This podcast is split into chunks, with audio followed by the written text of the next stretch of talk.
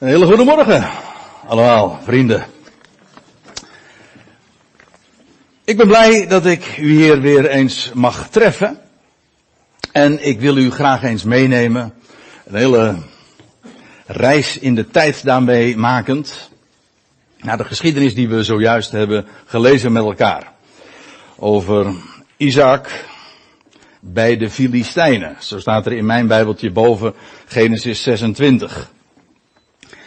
En het is zojuist al even gememoreerd en het is u wellicht zelf ook al opgevallen dat als je dat zo leest, dat dat toch wel inderdaad een eigenaardige geschiedenis is. Een heel andere tijd, ja wat wil je? Pakweg 4000 jaar geleden heeft dat zo gespeeld. En we verplaatsen ons daarbij dus naar de tijd van de aartsvaders. Een tijd dus nog enkele honderden jaren voorafgaand aan de periode van de wet, dat Israël uh, de wet kreeg in, bij de berg Sinaï en onder die wet ook geleefd heeft. In die zin is ook die periode van de aartsvaders, als u het mij vraagt, ook een, een tijd die in dat opzicht ook lijkt op de onze. Namelijk, het, is een, het waren mannen, mensen, om het even wat breder te trekken. Het waren mensen die leefden puur van Gods belofte. De wet speelde er nog niet. En kijk, van ons kun je zeggen, wij leven na die periode van de wet, of van het oude verbond, niet onder de wet, maar zij, zij kenden die wet niet eens. En, en Abraham heeft daarmee geleefd, en zijn zoon Isaac, en hun zonen Jacob en Esau, en nou ja, goed, wat lezen we allemaal niet in, in dat boek Genesis. Schitterende geschiedenissen, maar daar zit zoveel meer in. Zoveel meer ook en dan ben ik meteen al bij de beeldspraak van Genesis 26. Zoveel meer uh, in de diepte. En daarvoor moet je wel eens graven. Vraag het Isaac maar eens.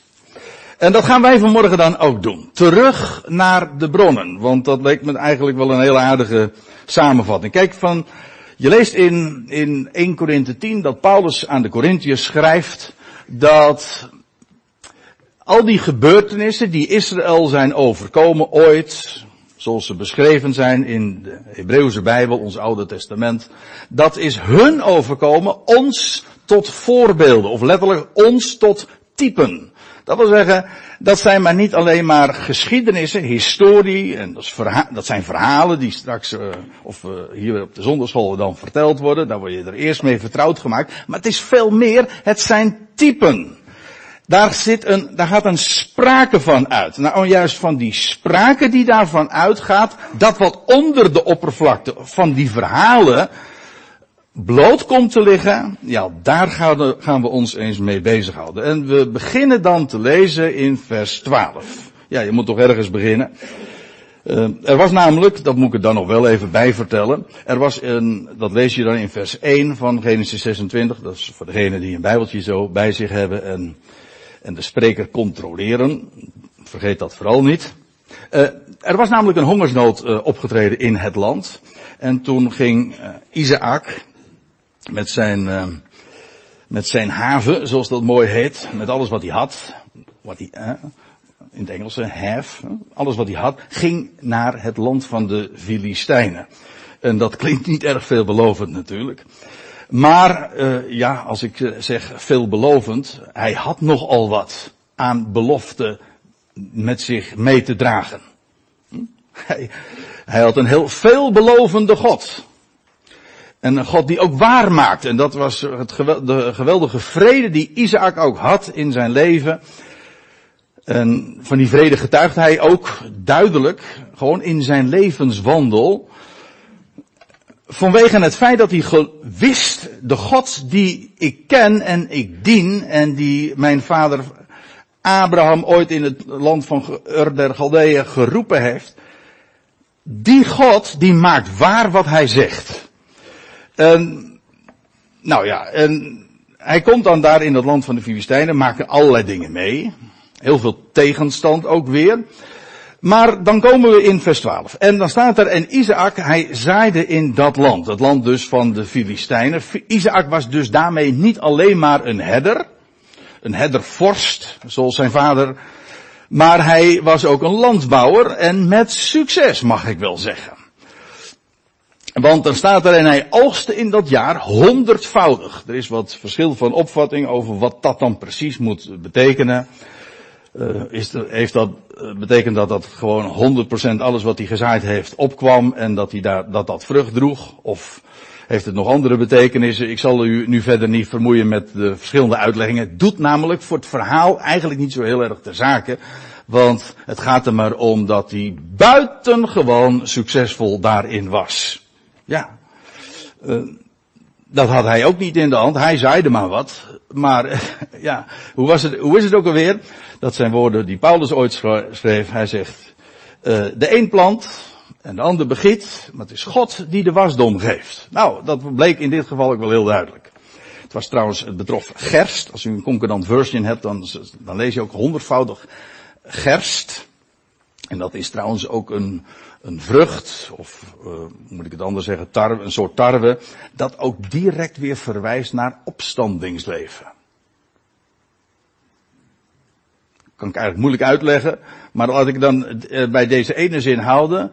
Jezus Christus, de eersteling uit de doden, hij stond op als bij het begin, het officiële begin van de gerstoogst. Nou, daar wil ik het maar even bij laten, maar die hint lijkt me op zich duidelijk genoeg. Hij oogste in dat jaar honderdvoudig of honderdvoudig gerst, want staat er, Jaweh, de Heere zijn God, zegende hem. Zoals we juist, zojuist daar ook over hebben gezongen. Jaweh, dat is de naam. Ik ben. En ik zal er zijn. Wel, als je die God aan je kant hebt, of moet ik het anders zeggen, als je aan de kant van die God mag staan, dan mag je daar ook wat van verwachten. En waarom? En dat is een goede vraag, lijkt mij. Waarom zegende Yahweh Isaac? Was hij zo goed? Nou, als je net het voorgaande leest, dan lees je dat hij feitelijk ook uh, bedrog pleegde. Die koning Abimelech, die hem een streek wilde, nou ja, nee, dat zeg ik ook niet helemaal goed. Maar in ieder geval, uh, toen ging hij liegen over zijn vrouw. Moet je nooit doen. En uh, hij deed wel. Maar ja, in feite, als je in deze geschiedenis dat zo leest, dan is dat uh, nou niet echt, dan verdient dat geen schoonheidsprijs. Op zijn zachtst gezegd, naar, uh, over Isaac. En desondanks, een woord van verwijt lees je niet, maar Jaweh, hij zegende Isaac. En waarom? En dan wil ik u een antwoord geven, gewoon puur gebaseerd op de tekst zelf. Want als we nou even terugbladeren, nee ik hoef niet eens terug te bladeren, maar even teruglezen in dit hoofdstuk, dan lees je in vers 3 dat God al tegen hem had gezegd, ik zal met u, met jou zijn en jou zegenen. En ik zal de eed gestand doen die ik uw vader Abraham gezworen heb. God beloofde niet alleen maar, maar hij zwoer een eed. Hoogst uitzonderlijk als God dat doet. Maar dat, dan bekrachtigt hij daarmee, als het ware nog eens, zijn belofte. Zodat het dubbel zo zwaar zou wegen, dat wat hij spreekt. God had een eed gezworen, een onvoorwaardelijke belofte aan Abraham. En God had gezegd, ik zal jou zegenen en trouwens ik zal jouw zaad zegenen. En daar wordt helemaal inderdaad geen, daar worden geen condities aan verbonden, zo van als jullie dit of dat. Nee, niets. Het was een onvoorwaardelijke belofte. En ja, God uh, geeft Isaac de verzekering, ik zal met jou zijn. Je bent daar in het land van de Filistijnen, er is hongersnood, ik zal met jou zijn, ik zal je zegenen. En waarom? Wel, ik zal mijn eed gestanden. God was het verplicht dus te doen. Ja, belofte maakt schuld. En zeker als je een eed zweert, dan liggen de verplichtingen helemaal bij God. Dat klinkt eigenlijk haast oneerbiedig als ik het zo zeg, maar denk er eens over na. Wie belooft, ja, die, bij degene die belooft, die moet dat vervullen. En het is dus niet vanwege het gedrag van Isaac of iets wat hij gedaan, helemaal niets. Dat is het unieke. En ja, nou ja, neem me niet kwalijk. Dan ben je trouwens al heel erg rijk hoor. Als je dat weet. Jaweh, hij zegende hem. Puur vanwege die belofte die God had gegeven. De eed die hij gezworen had. En die man, het staat zo leuk in vers 13. En die man die werd rijk, ja gaandeweg rijker, totdat hij zeer rijk geworden was. Zo zouden we het in het Nederlands niet direct zo zeggen. Daar staat trouwens eigenlijk niet, in het Hebreeuws niet het woordje rijk, maar groot. Wat in deze context ongeveer hetzelfde betekent. Maar hij nam gewoon enorm toe in bezittingen. Dat blijkt trouwens ook wel uit het vervolg. Maar goed, dat is wat rijkdom eigenlijk ook is. Toch? Nou ja, daar kun je natuurlijk wel, eh, daar kun je ook over eh, gaan spitten hoor. Of wat is nou eigenlijk rijkdom? En uh, in de wereld zeggen ze dan, nou, als je gezond bent, nou, dan ben je rijk. Nou, dat denk ik ook wel. Maar ik ken mensen die helemaal niet gezond zijn en toch heel rijk. Wat is uiteindelijk rijkdom? Ja, een andere definitie, waar je ook weinig op aan kan merken, lijkt mij. Rijk is degene die genoeg heeft. Je kan gigantisch veel hebben. Maar als je niet genoeg hebt, dan ben je feitelijk nog arm. Maar als jij genoeg hebt, ongeacht met hoeveel, nou, dan vind ik dat je rijk bent. Maar ook in de gewone wereldse betekenissen van het woord werd deze Isaac heel rijk. En rijker of groter, totdat hij zeer rijk geworden was. Ja, maar God zegende hem. Dat, het overkwam hem feitelijk ook. Dat is eigenlijk ook ja, dat is wel de clue ook van al die hoofdstukken die je dan leest in het boek Genesis. De mensen maken het er niet naar. En dan kun je bij Abraham, bij Isaac, nou ja, en ik hoef de naam Jacob maar alleen te noemen. En je denkt al eigenlijk al meteen automatisch aan iemand die niet deugt. Trouwens, zelfs zijn naam suggereert dat al. Ja. Maar weet je wat het grote verschil maakt? Uit de zegen van God nou laat ik het nog anders zeggen, hij had de belofte van God in zijn zak. Als ik het nou heel plat mag zeggen, het, komt er. Hij had de belofte van God met zich en in zijn hart. En dat is het grote verschil. Er staat even verder, laten we het doorlezen. Hij had kudde kleinvee, runderen en een talrijke slavenstoet. Eigenlijk, als u het in de Concordant version ook leest, dan staat er eigenlijk gewoon een dienarenstoet. Dat is ook voor ons dan nog wat acceptabeler, daarom zeg ik het niet, maar gewoon, zo staat het er. En zodat de Filistijnen hem benijden. Ja, nou is hij daar dus in een hele vreemde omgeving. Dat was hij trouwens toch al, maar nou was hij in het gebied van de Filistijnen. En die Isaac, die was daar en, en terwijl hij daar is, zien de mensen gewoon dat het hem zo enorm goed gaat. En dat, dat kon niet zomaar zijn. Dat werd toen ook wel onder, onderkend. En de Filistijnen benijden. Jaloezie. Dat is het. Afgunst. En dat speelt heel vaak een grote rol in, in wanneer er sprake is van haat. En trouwens aan oorlogen gaat ook dikwijls dit fenomeen um, ligt aan uh, dit fenomeen ligt uh, aan, aan oorlogen heel dikwijls ook ten grondslag. Jaloezie afgunst. En je leest eh, een, een, aantal hoofdstukken later natuurlijk over Jozef ook. Een man die, een jonge man nog. En God had hem dingen gegeven. En trouwens zijn vader die trok hem voor en je leest dan. Ze benijden hem. Precies hetzelfde woord. Jaloezie. En dat is een kracht die heel veel kapot maakt. En heel veel doet. En dat blijkt trouwens in deze geschiedenis ook weer. Maar in ieder geval, kijk, je, je hebt ook jaloezie in de positieve zin van het woord.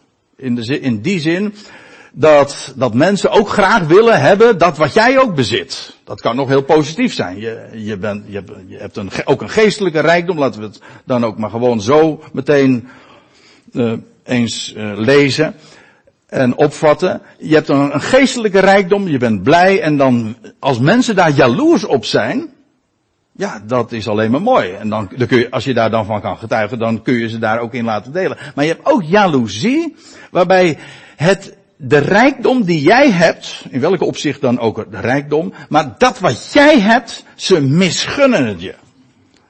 Ze willen niet dat jij dat ook hebt. Of dat jij dat hebt. En dan vooral de gift omdat het hen ontbreekt. Zodat de Filistijnen hem benijden. Daarom.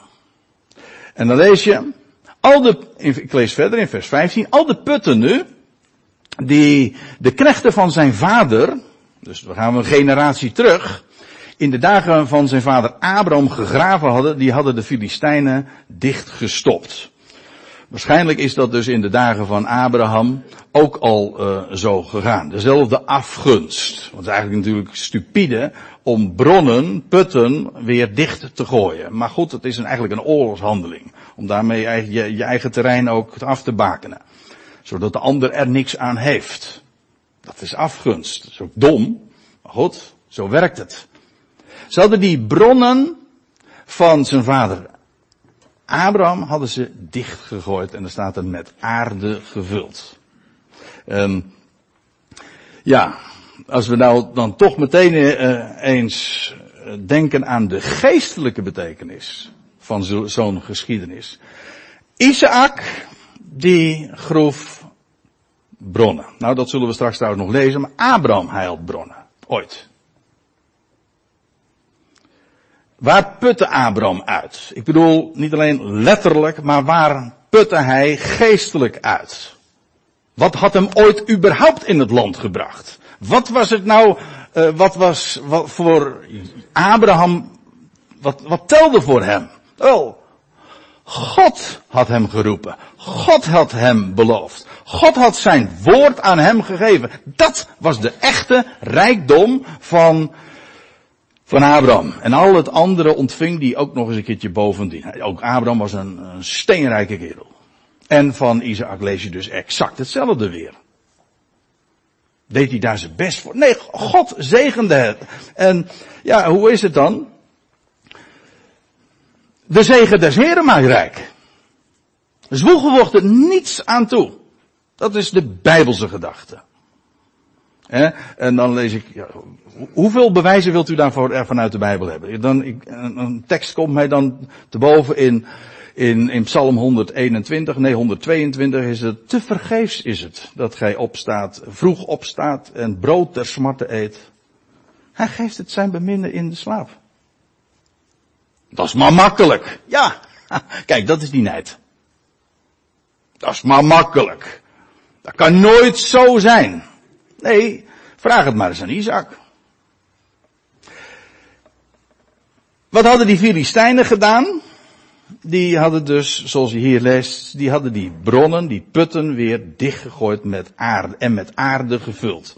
Nou, het lijkt me niet moeilijk om, om ook, als je het dan overdrachtelijk leest, hè, als, als symbool, ik bedoel het zijn letterlijke geschiedenissen, maar wat is nou de les daaruit? Dat bronnen dat waar je uit put, die worden dan vervolgens gevuld en daarmee ook vervangen. Want het is of het een of het ander. Of je put er water uit, of er zit allemaal ja, aarde in. Aardse zaken. Ja, nou, er is niks mis met die, met die aarde, maar je kunt er niet uit putten. En dat was nou precies wat hier aan de hand is. Laten we even verder lezen nog. Toen zei de Abimelech tot Isaac, uh, die Abimelech, dat is uh, een Filistijnse koning, waarschijnlijk zelfs een, de naam van een hele dynastie. Betekent eigenlijk letterlijk, mijn vader is koning. Want die, de, de, de vader van Isaac, Abraham, die had al met, met diezelfde Abimelech te maken. Dat wil zeggen, diezelfde naam. Maar goed, zoals, laat ik het anders zeggen. Uh, een, een, koning in Egypte heet een farao, wel, en een koning in, in het land van de Filistijnen, dat is een Abimelech. Gewoon, zo. Afijn, toen zei de Abimelech tot Isaac, ga van ons heen, want gij zijt veel machtiger geworden dan wij. Wij kunnen dat eigenlijk niet zetten. Dit is een officiële manier van zeggen, van, uh, dit gaf lucht aan hun nijd en aan hun afgunst. En, en ga alsjeblieft maar weg. En dus ging Isaac vandaar. Ik zou het haast nog anders lezen. Zo, dus ging die zak vandaar. Hm? Want wij zouden zeggen van nou dat is toch ook wel, hè, zeg, jij hebt het, je, je, je verdient eerlijk je geld, je, je leeft daar gewoon. En, en, dan, en, dan zeg, en dan kunnen zij het niet hebben en dan, dan wordt er verzocht of jij weg wil gaan. Dan had je kunnen zeggen, ja waarom dan? Wat, doe, wat misdoe ik hier? Maar, ah, maar die Isaac, en dat blijkt nou in deze geschiedenis wel heel erg duidelijk, was een heel vreedzaam man. Hij, hij vermeed altijd het conflict, daar was hij nooit op uit. Dus ging Isaac vandaar. En dan staat er, en hij legerde zich in het dal van Gerar, dat is daar ook dus wel bij dat land van de Filistijnen, maar kennelijk toch wat uh, daarbuiten, buiten hun uh, gebied van steden. En staat er, hij woonde daar. En staat er in vers 18, en nou komen we eigenlijk ook bij de, bij de titel van deze, van deze studie, van deze toespraak. Terug naar de bronnen. Dan lezen we in vers 18 dit. En Isaac, hij groef de waterputten die men gegraven had in de dagen van zijn vader Abraham. En die de Filistijnen na Abrahams dood hadden dichtgestopt, weer op. En hij noemde ze met dezelfde namen waarmee zijn vader ze genoemd had. Zodat daarmee in ieder geval gezegd is, Isaac, hij putte uit dezelfde bronnen als zijn vader. Ja, wat zijn dat voor bronnen?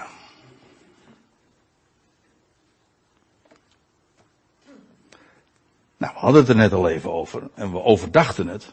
Maar laten we dan nog, laten we dan nog even één vers doorlezen. Daarna groeven de knechten van Isaac in het dal en vonden daar een put met levend water. En dat wil zeggen, het was dus uh, stromend water, water dat zo te drinken was. Ja, hoe vind je dat zomaar? Maar waar moet u hier aan denken als u dit leest? Ze graven, die, die knechten van Abraham, of in dit geval van Isaac, die, die graven die putten weer op. He, er was allemaal aarde overheen, die waren gewoon niet meer bruikbaar zo. Dus ze moesten weer opnieuw opgegraven worden. Men moest spitten, men moest graven. En Isaac laat dat dan doen. En wat waarachtig, wat vindt hij? Hij vindt een put met levend water. Nou, dat is iets waarvan wij misschien de waarde niet zo uh, direct inzien. Rijk als ons land met water is, niet waar.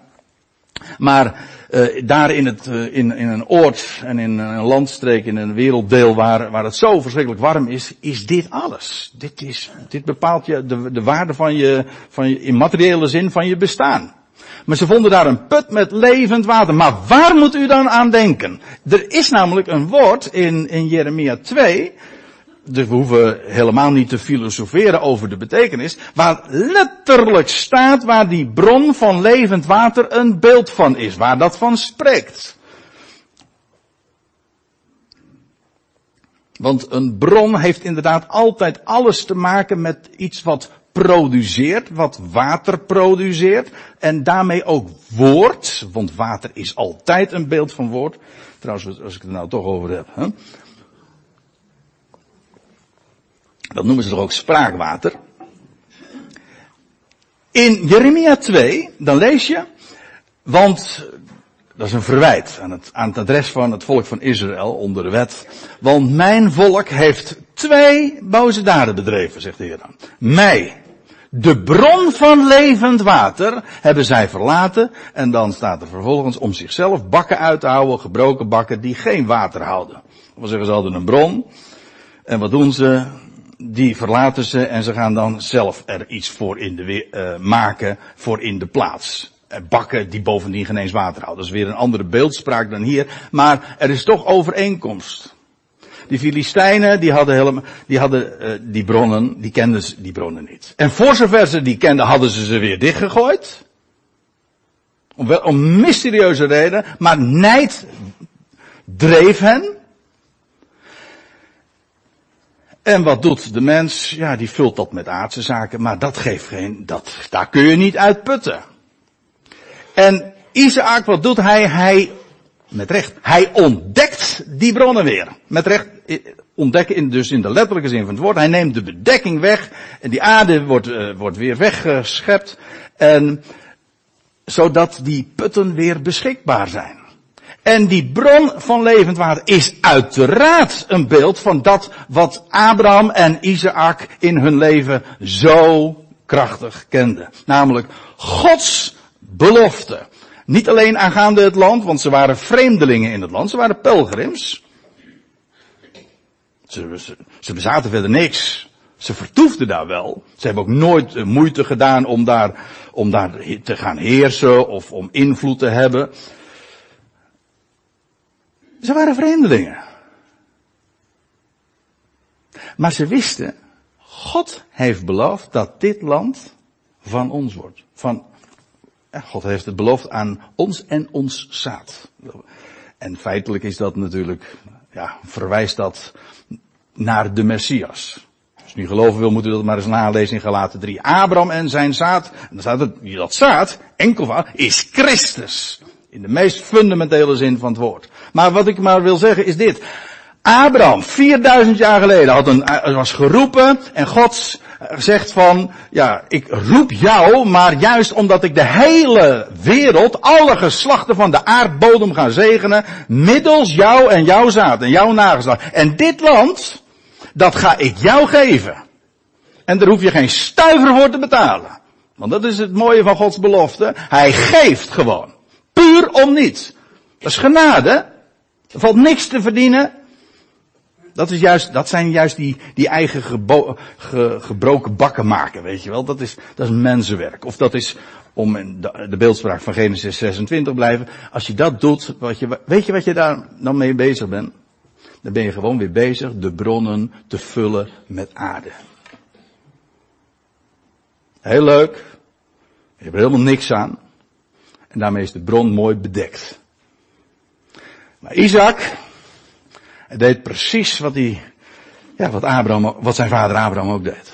Namelijk putten uit een bron van levend water. En dat spreekt van Gods belofte, Gods woord. Dat wat Hij toezegt. Kijk, en dat, dat, uh, dat verandert je hele perspectief.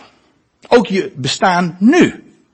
Het geeft je vrede, want als God, als God dat nou om niet belooft, wat zal ik me dan druk maken?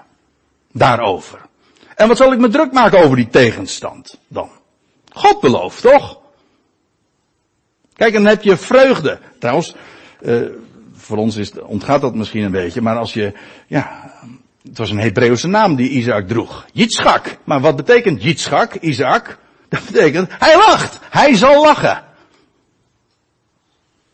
En dan is er tegenstand, maar ik denk dat Isaac heel vaak gedacht heeft. Wie het laatst lacht, hm? die lacht het best. Natuurlijk. Dan heb je vreugde. En daarmee ook vrede. Dat ziet u hoe een enorme verschil die, die belofte van God maakt.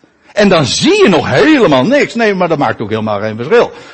Helemaal geen. God belooft. En wat Hij zegt, dat gebeurt. En daarom heb ik nu al vreugde. Hoop doet leven. En geef je, dat, ja, dat verandert alles. Afijn, Isaac vindt daar dus die bron weer. Van levend water. En dan, ja, wat krijg je dan? Toen twisten de herders van Gerar, die Filistijnse herders dus, met de herders van Isaac en zeiden, dit water is van ons. En hij gaf aan die put de naam Ezek. Omdat zij met hem getwist hadden. Nou, wat zou Ezek dus betekenen? Hoef je helemaal geen Hebreeuws voor te kennen. Lees gewoon de zin. Dat zal wel iets van twist betekenen. En waarachtig, Ezek betekent twist of strijd, zoiets.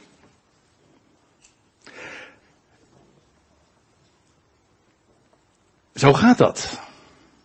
Je, je gaat weer terug, laten we ook, ook, laten we de lijn even vasthouden. Ook gewoon de, de typologie die hierin in besloten ligt, die hier onder de oppervlakte ligt. Als je terug gaat naar de bron, trouwens er is ook een Nederlandse uitspraak over, hè. Wie teruggaat naar de bron, moet tegen de stroom inzwemmen. Een iets andere metafoor, maar de gedachte is, als je teruggaat naar de bron, of naar de bronnen, dan levert dat geheid strijd op. Dan moet je tegen de stroom inzwemmen. Een mooie, mooie, mooie uitspraak. Maar het Een prachtige illustratie ook van wat je in Genesis 26 leest. Isaac, hij gaat weer terug naar de bronnen. Naar en hij, met dezelfde functie, met dezelfde naam ook die zijn vader Abraham al aan die bronnen had gegeven. Maar wees ervan bewust, en dat, en nou, nou kom ik ook echt wat tot mijn punt, voor zover ik dat al niet uh, was, maar kijk, als je bezig bent met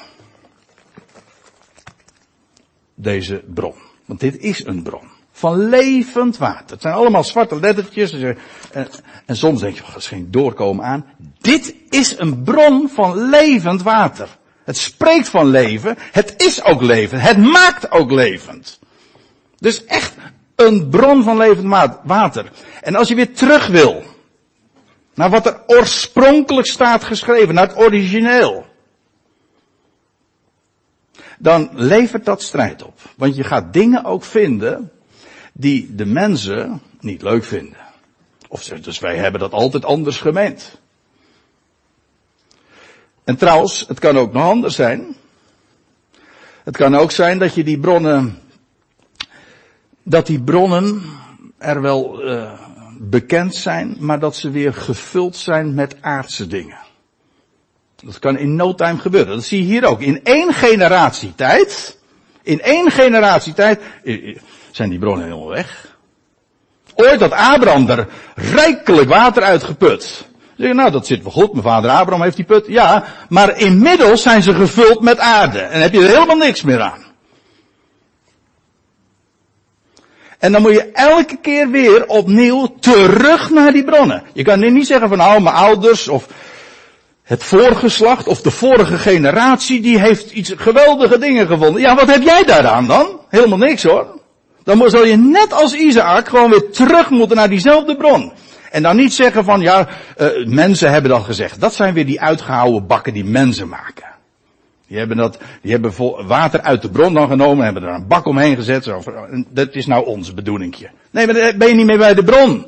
Die bron die is altijd maar weer fris. Ga gewoon weer terug naar de schrift. Gewoon weer de, het, het nieuwe, el, telkens weer ontdekken. Ga niet manna, dat is een ander beeld. Ga niet manna van gisteren eten, want dat is vies en trouwens dat is bedorven. Manna geeft God elke dag vers. Dat is met de schrift ook. Ga niet, ga niet, uh, blijf niet bij dat wat het voorgeslacht gezegd heeft. Ga weer terug naar de schrift. Ook al betekent dat strijd. Nee, ik zeg het verkeerd. Dat betekent strijd. Als je dat doet. Dat zal twist teweeg brengen. En je kan zeggen, nou dat doe ik niet. Dat heb ik er niet voor over. Nou, dan ga je naar de Filistijnen. Hè? Dat is het alternatief dan, nietwaar? Maar eh, lees eens mee wat, wat, wat van uh, Isaac dan gezegd wordt. Um, hij geeft die, die bron dan de naam Ezek. En toen zei een andere, wat is hier? Oké, hij gaat weer weg. Isaac. Toen zijn andere putgroeven, twisten ze ook daarover weer. Dat blijft namelijk altijd hetzelfde. En nu wordt het, krijgt de naam van de put een wat grimmiger karakter. Eerst was nog twiststrijd. En nu noemt hij die, uh, die put Sitna. En dat betekent beschuldiging of aanklacht of tegenstand. Het heeft namelijk dezelfde stam in het Hebreeuws als het woord of de naam Satan. Gewoon eigenlijk alleen let eventjes op de medeklinkers. Tegenstander. Kijk, ze vinden bronnen, maar dan, of ze herontdekken bronnen. Het, het lijkt nieuw, maar het is helemaal niet nieuw. Het is alleen, telkens weer komt er uh, de stof van de traditie over en wordt het weer gevuld met aardse zaken. Ja, met als gevolg dat je ge geen bron van levend water meer hebt. En dan moet je el telkens weer gewoon die aarde weghalen. En wees erop bedacht dat als je die weggaat, dat je twist krijgt. Want mensen misgunnen je dat. Gewoon dat verse, dat, dat frisse, dat nieuwe, dat levende, dat krachtige van Gods woord te vinden. Dat is het mooiste, het rijkste wat er is. En Isaac die kon het zich permitteren, zei van oké, ruzie die ogen maak ik helemaal niet. Kijk, Isaac was niet aan het twisten. Isaac die groef gewoon die, die putten weer op. Zij twisten daarover. Maar Isaac zocht dat helemaal niet. Dat was het, ja, het automatische gevolg. Zo be het, zeggen ze dan in Engels. Dat is een gegeven. Als je met die, als je met die weer terug gaat naar die bronnen, is dit inderdaad altijd de consequentie. Krijg je inderdaad twist, krijg je strijd, krijg je tegenstand. En dan ga je dingen in de schrift ontdekken die er al lang stonden. Maar dat doen ze, en dan zeg je, het is vanmorgen nog genoemd, en dan ontdek je, waarachtig maar joh, het zit heel anders dan altijd ons verteld is. Nee, maar dat, dat kan ja niet waar zijn. Hij is een behouder van alle mensen. Staat er, ja niet één tekst, maar gewoon de hele schrift staat er vol. Zo is God. En dan, ga je, dan ontdek je dat. Nee, ontdek je dat niet. Dan herontdek je. Want het stond er al die tijd al. Alleen het was gevuld met aarde. Nou, ik kan nog heel wat meer bronnen noemen hoor. Allemaal bronnen die, die weer verstopt zijn. In de dubbele zin van het woord. Hm? Dat wil zeggen, je kan ze niet meer vinden. Net zoals uh, paaseieren verstopt zijn. Maar het kan ook verstopt zijn zoals de wc verstopt is. Hè? Dat is iets heel anders. Maar in de zin dus, er komt niks meer uit en er kan niks meer in.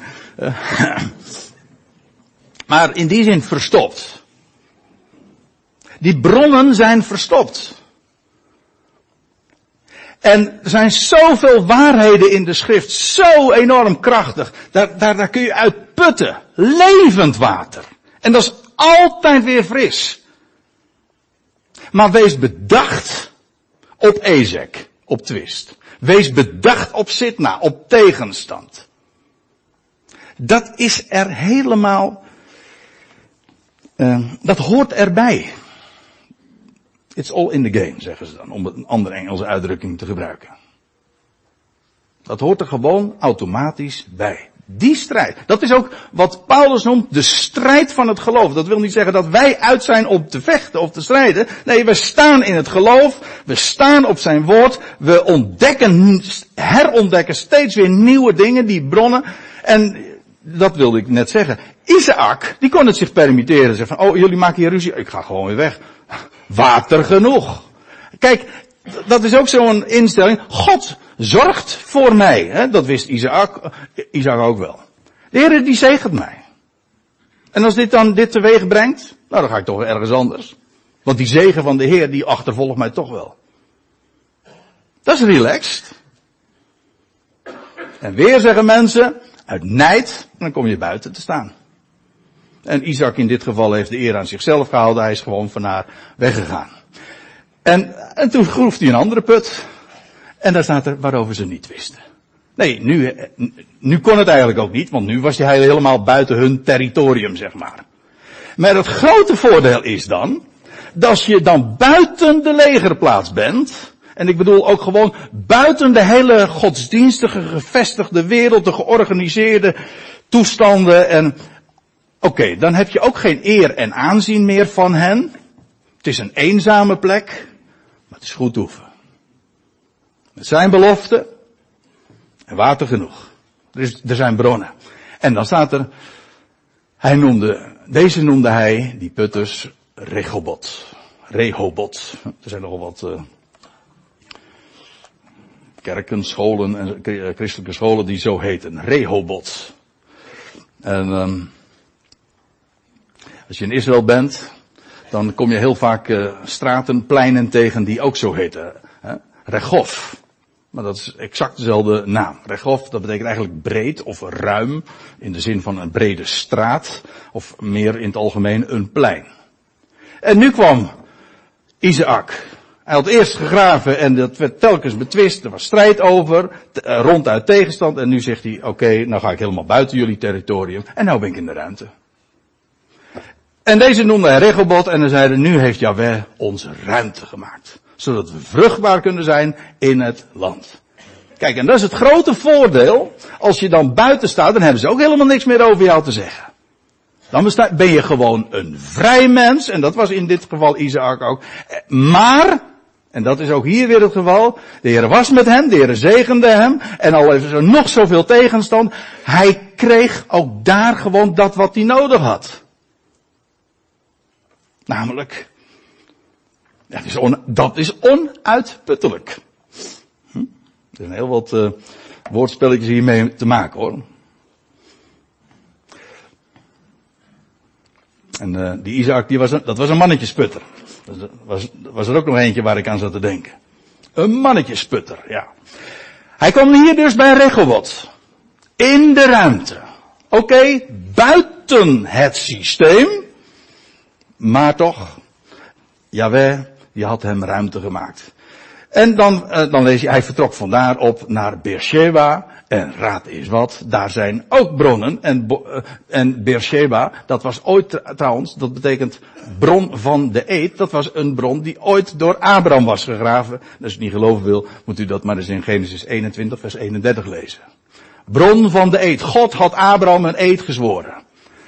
Er zit nog meer aan die naam vast van Beersheba. Dat is nu nog steeds natuurlijk een stad daar in de woestijn van Zuid-Israël.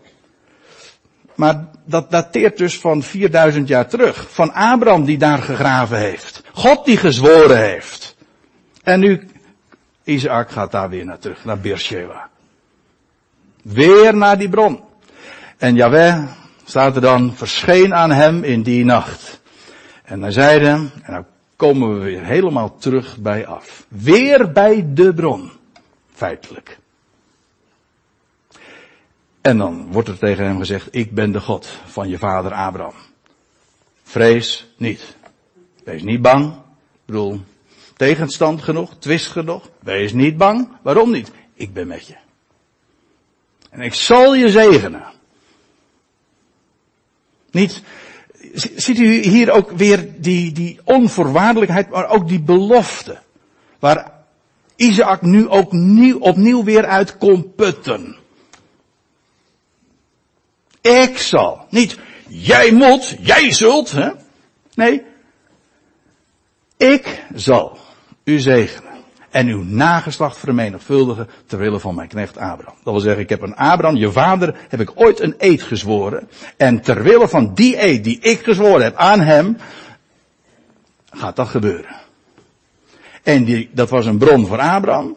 En dat is ook weer een bron voor Isaac. Gewoon de volgende generatie. Ook al moet je daarvoor voor weer opnieuw weer graven. En al blijft inderdaad het hetzelfde liedje. Het is twist. Het betekent, het betekent strijd. Eigenlijk is dat ook de dingen. Het, het, hetgeen wat ik vanmorgen ook graag wil doorgeven. Mensen. Als je wilt putten uit een bron, uit deze onuitputtelijke bron, dan zul je inderdaad dat er ook voor over moeten hebben. Maar je komt nooit bedrogen uit met dat woord van God. Met zijn belofte. Kijk, en dan, en dan, uh, dan heb je vrede. En dan kun je het je permitteren zoals Isaac zich opstelde. Die man, die had vrede in zijn hart en hij maakte ook vrede. En hij was een vreedzaam man. En hij was een man van vreugde. Hij zal lachen. Amen.